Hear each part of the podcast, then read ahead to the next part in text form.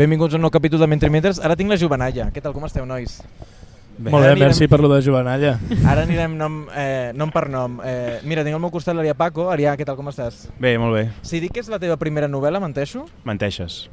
Llàstima, perquè la idea era coincidir primeres novel·les, sí que és veritat que hi ha un títol previ. Dona'ns també més detalls, perquè el va, preguntar, el va presentar perdó, una Mentre Mentre l'any passat, justament aquí, a la Setmana del Llibre en Català, i ara estem parlant però d'un dels títols que és el Premi Roc Boronat 2022 dona'ns més detalls d'aquest títol que ha publicat Amsterdam dins d'Ara Llibres doncs Covard de Vella tan salvatge doncs és un llibre sobre retrobament d'uns vells amics a la ciutat i que parla de desarrelament, d'una generació una mica desorientada i del conflicte entre l'ambició i la petita comunitat. Helena Aguilera, què tal, com estàs? Molt bé, què tal? L'escuma de Periscopi és uh, un dels nous títols que va venir que ens va arribar, vaja, ara amb la reentré. Eh, també, si vols donar-nos quatre, quatre detalls per començar també aquesta primera novel·la, ara sí, en aquest cas sí que es pot aplicar aquest títol o aquesta etiqueta. Sí, sí, primera novel·la. L'escuma explica la història d'una família i mm, més enllà de la trama, jo el, el que sí que anomenaria són els temes principals en, en, en els que pivota, que són, jo diria, la, la malaltia mental, eh, la ciència, sobretot la física, i la música. Jordi Brascó, hola, què tal, com estàs? Molt bé. Fa uns dies ens va brindar el Jordi Puntí un tuit no? que posava en valor eh, el teu llibre, justament. Està publicat a Pagès Editors. Eh, Dóna'ns també quatre detalls. Si dic també que és primera novel·la, no sé si t'estic errant, perquè també has escrit altres coses, ets periodista, mm -hmm. però vaja... És primera de... novel·la. Primera novel·la dins d'aquesta eh, etiqueta tan sens còmoda. Deixa'm donar, diguem-ne, quatre, també quatre coses, quatre detalls. Mm -hmm.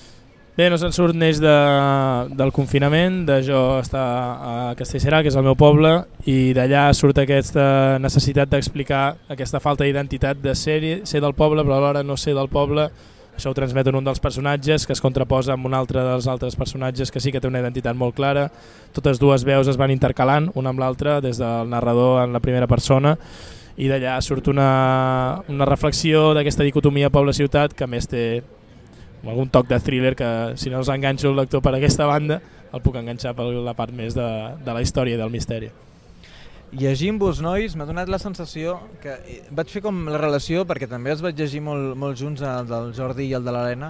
Uh, no sé si us havíeu llegit uh, entre vosaltres. Jordi, els havies llegit alguna vegada? Els coneixies amb ells? No, els acabo de conèixer, de fet, però amb l'Arià, amb aquesta estona que hem estat comentant la jugada, hem vist que tenim moltes similituds uh, pel que fa a l'argument i, a, i també una mica a l'esperit que hi ha darrere de la necessitat d'expressar-nos eh, amb aquesta novel·la. Arià, no sé si també abans, prèviament, coneixies algun d'ells, l'Helena... No, no l'Helena m'ha fet d'editora, per tant l'he conegut durant el procés d'edició, però no, com a, com a escriptora no, no la coneixia abans. I Helena, com a editora, encara que sigui, no sé si coneixies l'Arià, tenies sí. alguna referència amb el Jordi? Coneixia, bueno, els coneixia els dos una mica de, del món editorial, de la meva feina com a editora, l'Arià perquè bueno, perquè li, li han fet d'editors a Amsterdam i el Jordi no l'he llegit però, però també havíem coincidit en alguna altra ocasió. Hi ha un seguit de temes que a vegades també es fa difícil eh, entendre què hi ha al darrere d'un llibre només pel tema, perquè sembla com que, vaja, hi ha uns certs no, que, que es des, despunten no, de, per sobre la resta i sobretot en el que es publica actualment. Uh, jo, a mi m'agradaria entrar no pels temes sinó per la forma i ara per, per entrar amb l'entrevista. No sé si, jo que sí que us he llegit els tres veig que vosaltres entre vosaltres no i això també serà força divertit. Um, hi ha certes coses que podíem tocar. Començo amb l'Helena, potser que és la que em sembla que per, per, per qüestió de la forma em sembla també més interessant. Ho dic perquè hi ha una bibliografia al final i, i hi ha tot un seguit de cites, hi ha tot un seguit de, de reflexions d'on ha sortit la informació verídica per construir un fet ficcional, no sé si ho dic bé. Sí, totalment. De fet, m'encanta que comencis per la forma perquè és potser on jo hi he dedicat més hores i on hi ha hagut més treball editorial a l'hora de, de plantejar la forma. O sigui, per mi és important que la forma eh, signifiqui. O sigui, diguem que jo he estructurat el llibre pensant que aquesta estructura ha de parlar per si mateixa més enllà de, de la història que s'explica. No? En aquest sentit, la forma, sobretot en el meu cas, respon a, a la física, no? O sigui, a veure, el, concepte del que parteix la, la novel·la no és aquest de l'escuma, que en el fons és el concepte de l'escuma quàntica, que és aquest, eh, aquesta idea que va il·lustrar el, el científic John Wheeler, que una mica el que, el que està explicant és que la realitat física, no metafòrica, sinó la realitat física canvia, les lleis de la física canvien eh, segons la distància amb la que te les mires. No? Les partícules funcionen amb unes lleis i, en canvi, els astres que van a altres velocitats funcionen amb unes lleis totalment diferents, no? i el problema que es planteja la física és si som capaços de reconciliar aquestes lleis i tenir una única teoria de l'univers. El llibre està plantejat a, a, partir d'aquesta estructura. No? La, primera, la primera part són les ones, no? diguem que seria um, quan tu et mires la realitat des de, des de dalt, no? des d'una de, des distància bastant ampla, allà veus les zones, veus una realitat més aviat llisa. No? I aquesta primera part intenta respondre a aquesta realitat llisa a través d'uns capítols més llargs, més o menys cronològics, una mica més convencionals, si vols. Després la segona part és l'escuma, en la que ja t'apropes a una realitat eh, molt més fibrosa, molt més fragmentada i per tant tens uns capítols molt més connexos entre ells, personatges que, que potser són una mica més erràtics que la primera part i això bueno, és, és volgut. És, és una estructura pensada en, en, aquest, en aquest aspecte. Ara ja puc dir que fins a cert punt teniu una relació d'Iguals amb en Borja Bagunyà, que també forma part d'aquesta col·lecció. Uh, L'has llegit també, en Borja? Uh, sí. Quina és la relació també amb, amb en Borja Bagunyà? Bueno, amb el Borja eh, vam treballar sobretot al principi junts, vull dir, jo vaig anar a l'escola Bloom i, i vam, ell, ell es va llegir el llibre i, i em va donar un cop de mà molt, molt substanciós, vull dir, ell està als agraïments perquè va ser una de les persones que més em va ajudar i mm, sí, el Borja també l'he llegit i, bueno, bàsicament, entre molts altres aspectes, perquè la novel·la del Borja i en, en general l'escriptura del Borja és molt rica, um, clarament hi ha una preocupació per la forma i per l'estructura, no? no? Diguem que és una cosa que, que s'ha de treballar i que està pensada, no? que, i que bueno, ha de significar d'alguna manera. Arià, si jo et dic el nom de Borja Bagunyà, no sé si també et sona a tu també. Sí, sí, també. Jo també he passat per l'escola Bloom. Uh, també, vull dir, també he treballat la novel·la amb ell, de fet la va, va llegir una primera versió al, al 2021, al gener del 2021, i, i em va ajudar, vull dir, em va, em va dirigir cap a coses que podia fer per, per intentar millorar-la o fer-la més compacta. Ara l'Helena ens, es, ens desgranava com ha construït la forma i també em sembla interessant perquè com primeres novel·les, encara que vinguem no, de segones, però eh, a vegades, la, no sé com dir-ho, eh, però quan ens venen novel·listes que ja van per no sé quantes, eh, el discurs que et fan també ve molt de, del que jo he après fent i del que jo he après dient que he fet.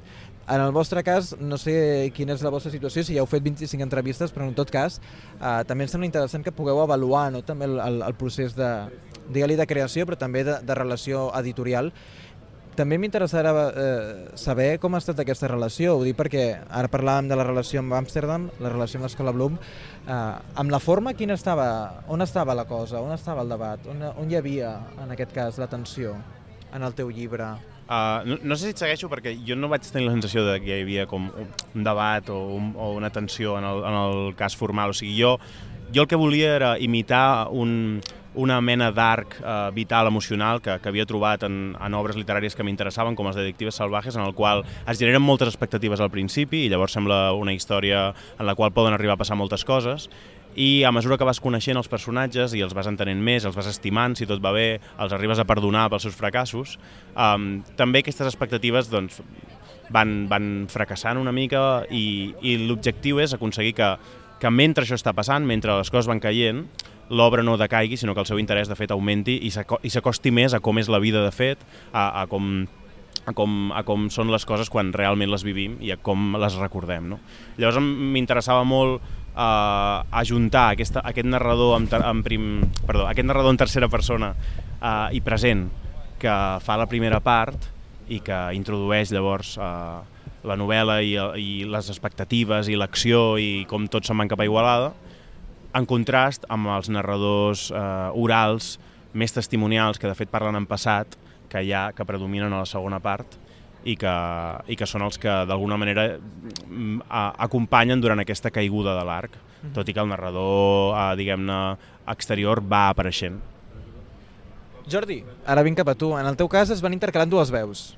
No sé si formalment també hi havia algú que venia d'haver llegit alguna cosa que et va ressonar en aquest sentit o que la construcció d'aquestes dues veus que s'anaven entrellaçant i que també ge- generaven també l'atenció, ara que ens deia, no més de thriller o el que sigui, eh, estava construïda des d'aquí. No sé si una qüestió de forma també que venia lligada amb la qüestió de gènere, gènere literari, o, o per on anava també la jugada. Doncs mira, realment, segurament la inspiració ve de Lluny vol dir mai més, que és el llibre que va escriure el meu bon amic Marc Cerrudo, també amb Mare Llibres, on explica una història a través de 40 veus. Jo, eh, lògicament, no sóc tan ambiciós, ni molt menys, i tenia molt clar que al fer la primera vegada que em ficava en la ficció havia de fer una cosa més baixada a la terra, però estava clar que m'interessava aquesta idea d'explicar una linealitat temporal i narrativa des de almenys dues veus que s'anessin intercalant.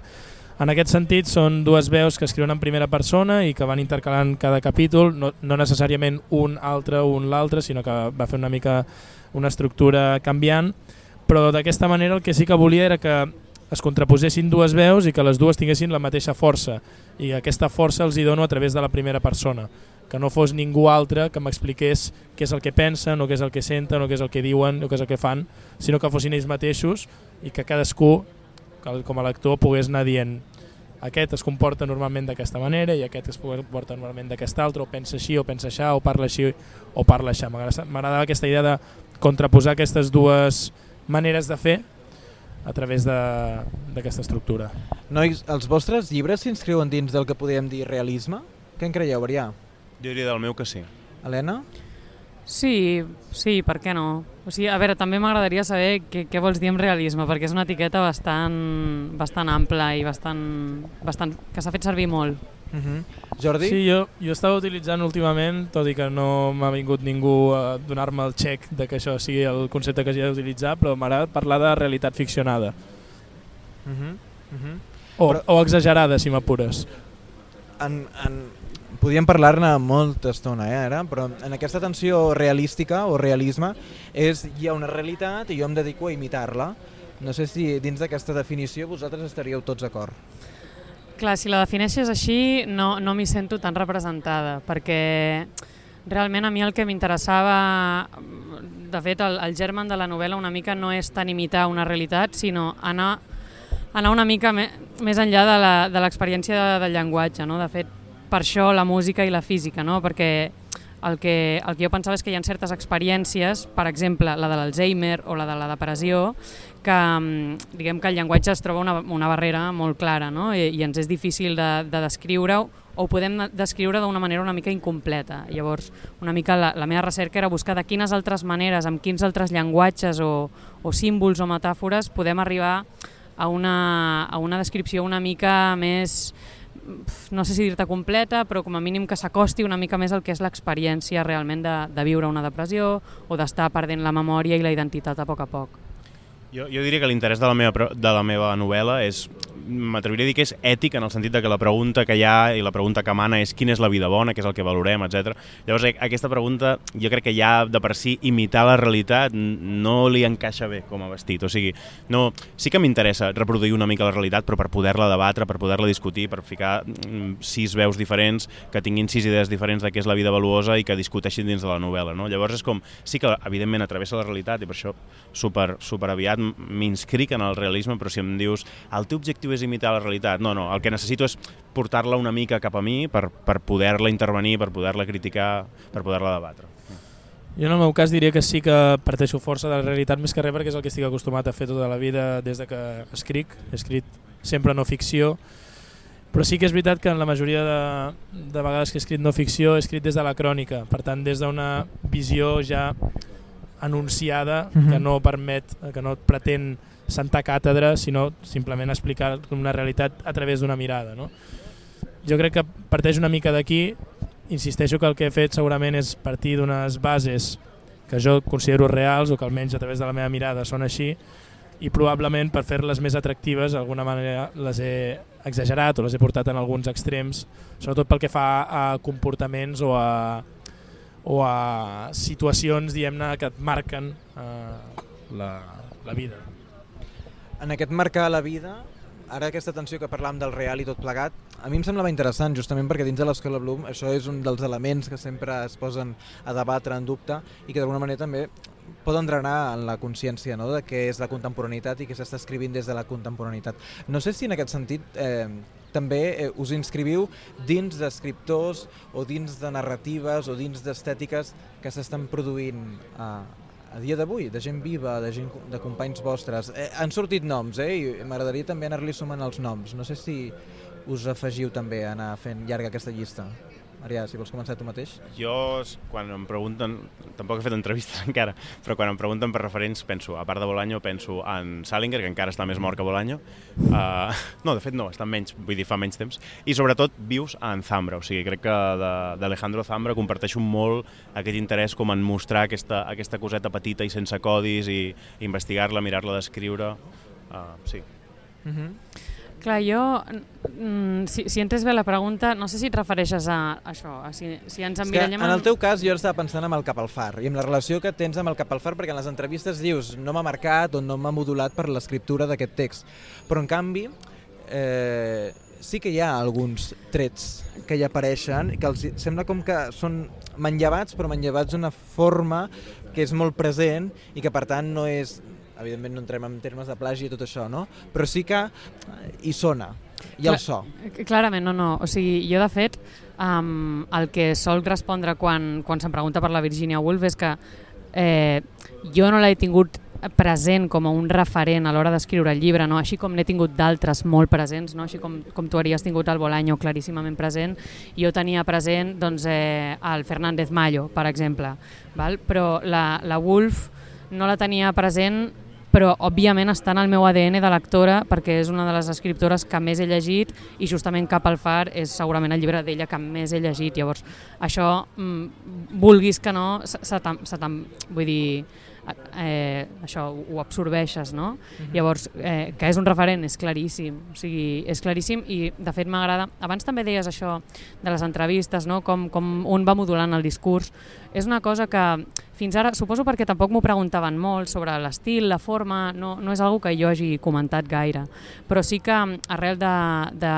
d'algunes eh, ressenyes que han sortit, alguns comentaris que, que parlen igual d'una estructura molt complicada o una, o una escriptura hermètica, això sí que em porta a una mica a reivindicar que no és un hermetisme per se, o sigui, hi ha una intenció al, al, al darrere d'això i és una intenció clarament wolfiana en aquest sentit de, de que a, tu tens una idea i aquesta idea s'aboca en l'escriptura, no només en les paraules, sinó en la forma com, com ho estructures tot, no? i en aquest sentit el far, eh, les ones, eh, o la, sí, les ones de la Virginia Woolf, no? que també és aquesta, aquesta escriptura que aboca el, el moviment d'una onada, no? En, endavant i endarrere. Això és clarament un referent per mi, claríssim, i tant. Volia continuar una mica la pregunta pel que fa a les lectures. Ens has dit justament abans nom, Jordi, no sé si també t'hi sumaries una mica també en, aquest, en aquesta corrua que ara que estàvem fent i en aquesta tensió ho dic perquè a vegades és una excentricitat també pensar que com he llegit tot això jo ara seré això, o m'inscric dins això perquè he llegit això, perquè vull llegir això. Però sí que és vegades, a vegades no? que també la, la lectura et porta a altres lectures i a vegades també la relació que es poden establir amb tot plegat. Sí, jo he d'admetre que en aquest sentit quan feies la pregunta de si ens inscrivim com a escriptors en alguna mena de corrent o en alguna posició, que començaves parlant així la pregunta, jo em desmarco bastant perquè sóc un molt mal lector i sóc un molt mal escriptor, en el sentit que només he escrit això i vaig fer un parèntesis de periodisme i ara he tornat al periodisme i en aquest sentit em sento una mica com farsant fins i tot si m'apures en aquestes converses on, on clarament hi ha una, una inspiració literària d'alguns autors que s'han llegit en profunditat, etc etc. Jo crec que en aquest sentit l'estil me l'he anat construint més basant-me en la lectura de crònica, de no ficció, però sí que és veritat que segurament el meu llibre preferit, que és el de Iugoslàvia i Tierra, té aquest punt que també es parla no se'n surt del retorn a un territori que no és ben bé el que l'autor en aquest cas recordava, sinó que s'hi està intentant tornar a adaptar, en aquest cas és un territori molt més extens, com és l'antiga Iugoslàvia, però sí que potser si, si haguéssim de buscar algun referent en alguna lectura passada podria, podria anar per aquí. Em va semblar curiós perquè just després de treure la novel·la em vaig llegir eh, el de l'Anna Bastasic, de la llebre i curiosament parla d'una amistat de dues persones que la intenten retrobar i també és un viatge per un territori que tots dos, totes dues protagonistes tenen molt marcat dins seu i l'estan retrobant i reconeixent i vaig pensar, mira, m'hagués anat bastant bé llegir la Bastesig abans d'escriure la meva novel·la i no pas després. És que jo ara estava pensant també en això, eh? Uh, una de les coses que ha dit el Jordi també és, és la relació tu que, que tens també amb el que anticipes de què va una de les novel·les.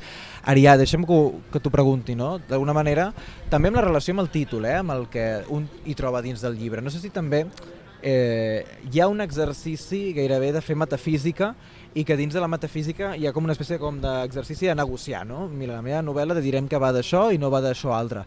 Ho dic perquè justament avui que estem fent una curva d'entrevistes, eh, a mi m'agrada també molt preguntar per la recepció i moltes vegades et ve un escriptor i et diu és que m'han començat a ficar l'accent aquí i aquí, vaja, jo no li veig. Um, jo, és que ja et dic, encara, crec que encara, vull dir, la novel·la té una setmana i mitja i encara no puc parlar de recepció. Uh, puc dir que un parell de persones m'han dit que la novel·la parla molt de sexe i que els agradava i m'he donat que sí, que jo no I això és el dit... tan salvatge del títol? No, el, el títol és un vers de l'Espriu de, dins del, del poema d'assaig de càntic en el temple, que és un poema sobre voler marxar d'aquesta covarda vella tan salvatge a terra, però a l'hora de la veritat no marxar-ne mai, que em fa gràcia perquè em recorda el títol de, del Jordi, de, del Jordi el, els, els últims versos del poema, la qual cosa ja mostra connexions. Eh, no, no, el títol, el títol és per això, és perquè la novel·la té molt a veure amb aquesta idea de vull marxar fora, hi ha coses millors, però a l'hora de la veritat mm, alguna cosa t'acaba portant a, a la terra natal. I no, respecte a això de la metafísica de, del tema, o sigui, entenc molt, perquè jo mm, vaig pensar també que en algun punt hauria de fer això, no? de decidir de què parlava el meu tema, però, de què parlava el meu llibre. Però la veritat és que quan el treballes, quan l'edites, quan, quan fas la tercera i la quarta volta és que te n'adones, és que si no saps quin és el tema no pots fer-ho. O sigui, quan, quan necessites agafar la tisora i dir a, aquesta anècdota que havia posat no encaixa en el llibre, és perquè ja tens una idea temàtica i et t'adones de ho, sent, ho sento, el meu llibre parla d'aquestes coses però d'aquestes no, i això no hi cap. Mm. I llavors et, et força, o sigui, no, no, no acaba sent una decisió especulativa. Això m'ha semblat interessant. No sé si també us heu trobat en casos d'aquestes característiques de, de, amb la tisora. Sí, totalment. De fet, amb l'Arià inclús vam coincidir, no? En un moment estava ell amb les seves tisores amb el seu llibre i jo amb el meu. I, i sí, recordo de, de comentar-ho, que quan ja... És això, no? Quan, les, quan has estat llegint-lo una vegada i una altra, sí que arriba un moment que, que tens molt clar què, què s'obre i què no. En el meu cas és curiós, jo crec que segurament és el contrari. També insisteixo una altra vegada amb el bagatge i amb el, amb el que t'obliga l'escriptura periodística sí, de ser concís deixa'm que t'aturi, eh? perquè no sé fins a quin punt això eh, en l'exercici de fer entrevistes marca molt, no? Oh, perquè no puc dir que vaig a l'escola Bloom, no va... però no sé si en l'exercici realment d'estar tranquil a casa escrivint, mm. a vegades no sé fins a quin punt també, ho dic pel, pel comentari que va fer justament el Jordi Puntí respecte a la teva novel·la, no? que deia quina... O sigui, sobretot va destacar l'estil i justament a mm. vegades el més difícil de trobar és un estil. Sí, sí, en aquest sentit que en Puntí digui això, jo, jo com, aquell, com aquell que diu ja me'n puc anar a dormir content, no? Sí, no, ho comentava més que res perquè en aquesta mena de cerca de la concreció i de l'estructura clara i concisa i de mantenir l'atenció constant del lector, estic pensant en un article de premsa o en una crònica d'una miqueta més extensa que pugui sortir en una revista, per exemple, de viatges com la que treballava, segurament això ho vaig aplicar a la novel·la i molta, molta gent que se la va llegir en la primera lectura em va dir vols dir que no t'has d'entretenir una miqueta més aquí? Vols, no, vols dir que has d'anar tan ràpid? Vols dir que ens has de, de ja portar aquesta situació? No vols entretenir per aquí, per aquí, per allà? D'alguna manera aquesta idea d'anar del punt A al punt B en línia recta que segurament en, a, en la no ficció és més necessària i segurament en la ficció et permet fer una mica més de corbes i segurament el que vaig trobar-me va ser això, que després d'haver escrit la primera versió vaig haver d'entretenir-me a fer un recorregut una miqueta més entretingut, si podem dir així. Nois, hem parlat de diverses coses. Um, acabeu de treure gairebé els llibres, potser el Jordi és el que tenia més, més dies uh, per aquí movent-se. Um, quins són els vostres ara desitjos? Penseu també en això? Ho dic perquè també, vist des d'un punt de vista que anirà passant gent, no? una de les coses també hi ha, hi ha un fet, no? que és a, ser, no hi ha només la representativitat, sinó també eh, gairebé dins de l'estela del judici no? la, el reconeixement. No sé si això us preocupa, hi heu pensat, ho dic perquè en aquest cas l'Arià ja ve amb un premi sota, sota la mà, però vosaltres eh, com, com us esteu relacionant també amb, el, amb, amb la dimensió més de mercat literari i no tant de, de sector literari? Helena, veig. Um, va, en la dimensió més de mercat, t'estàs referint a les vendes? Si tenim... Bueno, a les vendes si hi ha una preocupació per les Mm. vendes o si hi ha una preocupació més, eh, més enllà per això, no? Perquè ja es llegeixi, perquè arribi.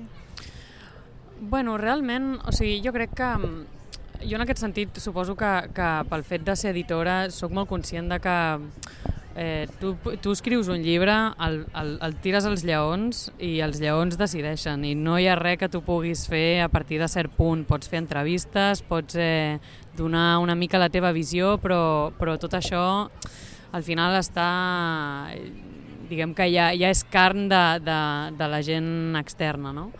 I en aquest sentit, jo el que intento personalment és fer un exercici d'això, molt d'alliberament, d'intentar tenir ben poques expectatives, vull dir, la meva feina ja està feta, que era escriure el llibre, um, en cert moment vaig estar prou contenta com per posar el punt i final i dir això ja, ja està, i, i res, a partir d'aquí el meu desig realment és en un futur poder trobar un espai com el que vaig trobar en el seu dia per escriure aquest, per poder seguir aprenent, que al final és el que per mi és el que més he valorat de, de poder escriure aquesta novel·la, és, és aprendre, és aprendre d'aquesta manera que tu explicaves en el fons, Jordi, perquè eh, sí, potser hem anat a l'escola Bloom i potser hem llegit X i Z, però al final quan, és, el que, és el que em deia el Bernat, quan tu escrius el, és, un, és autodidacta, o sigui, és un procés totalment autodidacta, totalment.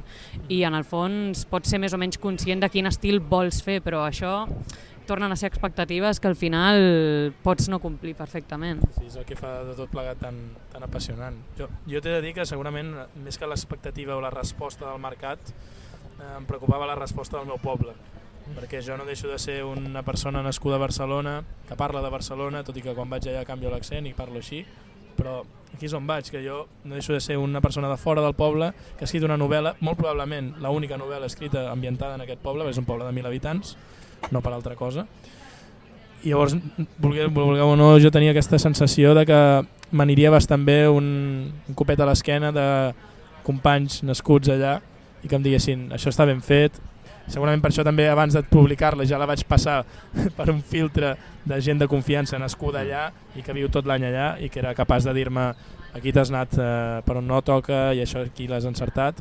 Però en general la rebuda està sent molt bona. Com bé deies és un llibre que ja té crec que mig any de, de vida i de moment les crítiques estan sent positives, sobretot, ja et dic, en l'àmbit purament de, del que em toca més de prop, que després el que em feia més por de tot plegat era haver de tornar cada dos o tres caps de setmana al poble i haver de baixar el cap a terra quan caminava pel carrer. Arià, Um, per concloure l'entrevista.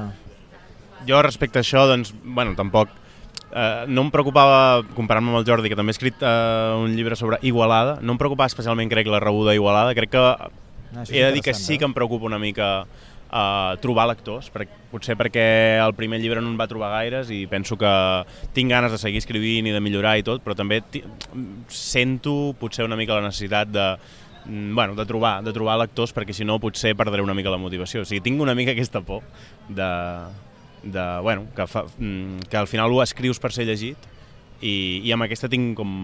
Bueno, estic més content d'entrada, o sigui, veig com que, que té moltes més possibilitats d'arribar a gent i, i a partir d'aquí, si els agrada, si no, doncs ja ho anirem veient. déu nhi les coses que poden sortir, que podem estirar amb més profunditat. Helena, Jordi, Arià, moltíssimes gràcies avui per sumar-vos, perquè també coincidir de sempre té un punt de complexitat i sobretot llarga vida a les vostres respectives novel·les.